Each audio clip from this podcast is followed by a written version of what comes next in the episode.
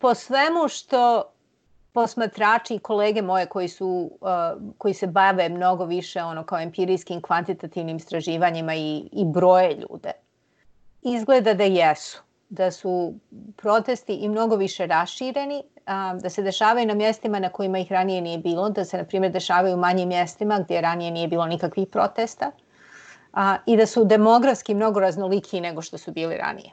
Tako da i, po, i po raširenosti i po participaciji i po demografskoj kompoziciji su drugačiji nego što su bili ranije. A postoji li bilo kakva veza između ovih protesta i e, karantina zbog pandemije? Definitivno.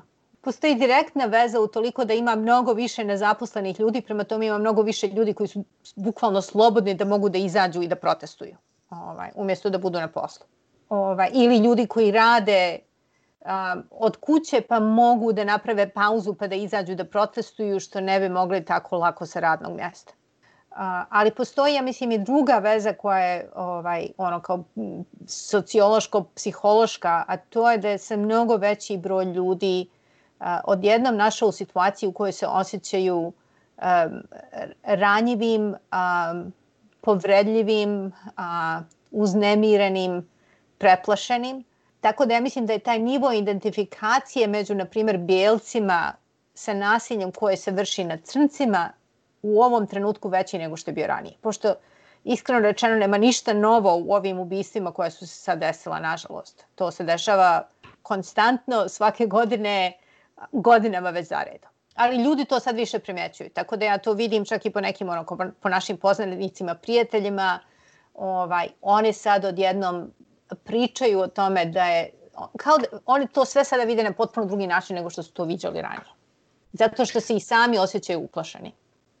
E sad, ovakvih protesta povodom policijske brutalnosti bilo je i ranije, kao što je uvek bilo i protesta povodom e, nasilja u školama, odnosno masovnih ubistava.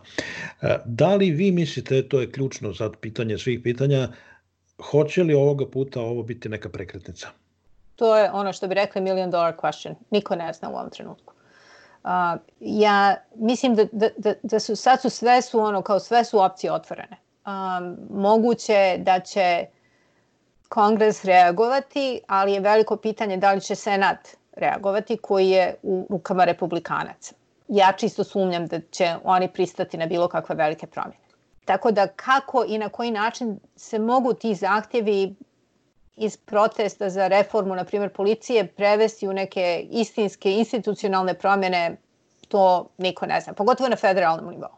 Drugo, ja mislim da smo trenutno je malo manja opasnost od uh, vojne intervencije na stranu Trumpa, koji je on pokušao prošle nedelje, pa je to zaustavljeno tom reakcijom ono kao gen, u stvari penzionisani generala. Ali da li će, ta, da li će vojska i dalje ostati uh, neutralna ili neće, to mi ne znamo. Prema tome, vojska može da odluči da interveniše u njegovu korist, um, ako on otpusti dovoljno ljudi ili ako ih isprepada na neki neki drugi način u tom vojnom a, rukovodstvu ili ovaj ili vojska može da odluči da interveniše zato što im je dosta Trumpa.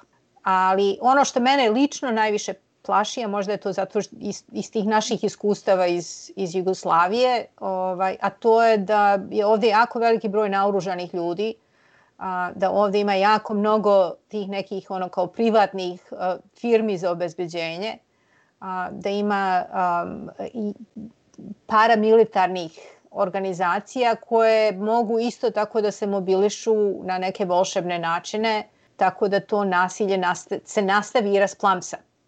Ni pod čijom direktnom kontrolom, ali mislim pod kontrolom onima kojima haos odgovara kao način političke egzistencije.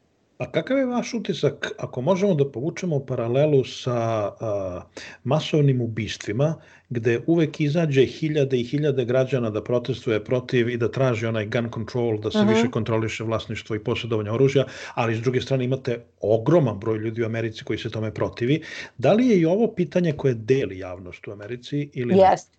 Jeste. Iako je sada veći broj, mislim, ono, sada je veći broj te neke pristalica i neke američke, ne znam kako bi rekla, srednje klase bijelaca koji su na strani žrtava nasilja i više pristalica policijske reforme nego što je bilo ranije. Ali ovo definitivno i dalje polarizira. polarizira.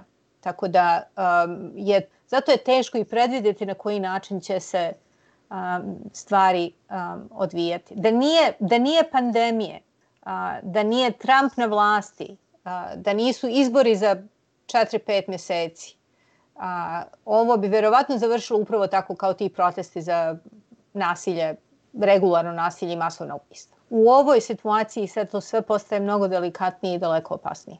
Evo sad smo imali vest da je Amerika zvanično u recesiji i e, poslednje brojke pokazuju da se određeni broj ljudi vraća na posao, ali nezaposlenost je dalje rekordno visoka.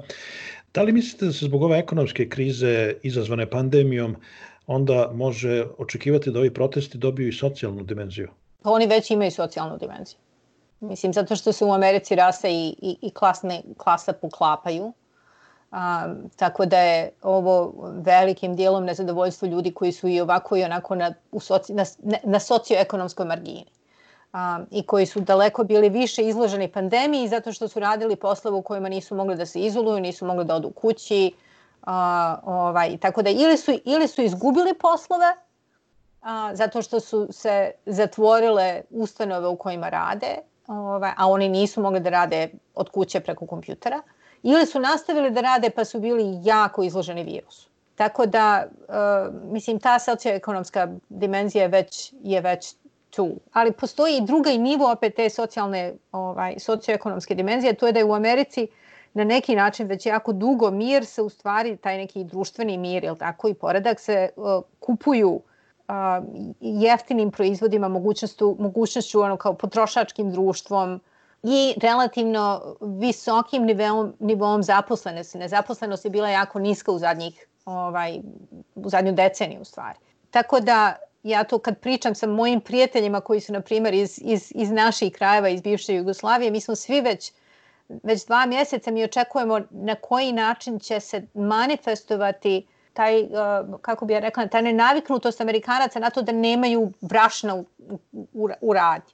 Ovaj, jer se oni nikad s tim nisu suočili. Tako da mislim da je to i egzistencijalna nesigurnost i nezaposlenost i nedovoljni, nedovoljna socijalna davanja, tako da se ta nezaposlenost učini koliko toliko prihvatljivo. Ovaj, ali i, i ti ventili koji su na neki način kupovali mir su sad, sad više nisu tu.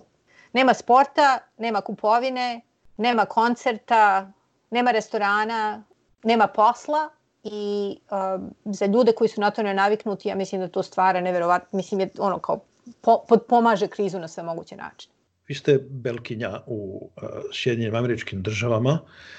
Da li mislite da je u kojoj meri ovo što se desilo u uh, Minneapolisu odraz uh, napetosti među e, pripadnicima policije, e, loše obuke, a u kojoj meri je zaista odraz jednog duboko usađenog rasizma i jednog, da tako kažem, e, jedne kulture koja na ljude crne boje gleda drugačije. Uh, to ne, može da se, ne mogu te, te dvije strane da se razdvoje na neki način. Policija je, ne samo policija, nego ove sve, na primjer, imaju studije, Harvard radite studije implicitnog implicitnih predrasuda. Ovaj, predrasuda koje ljudi nisu svjesni jedni prema drugima.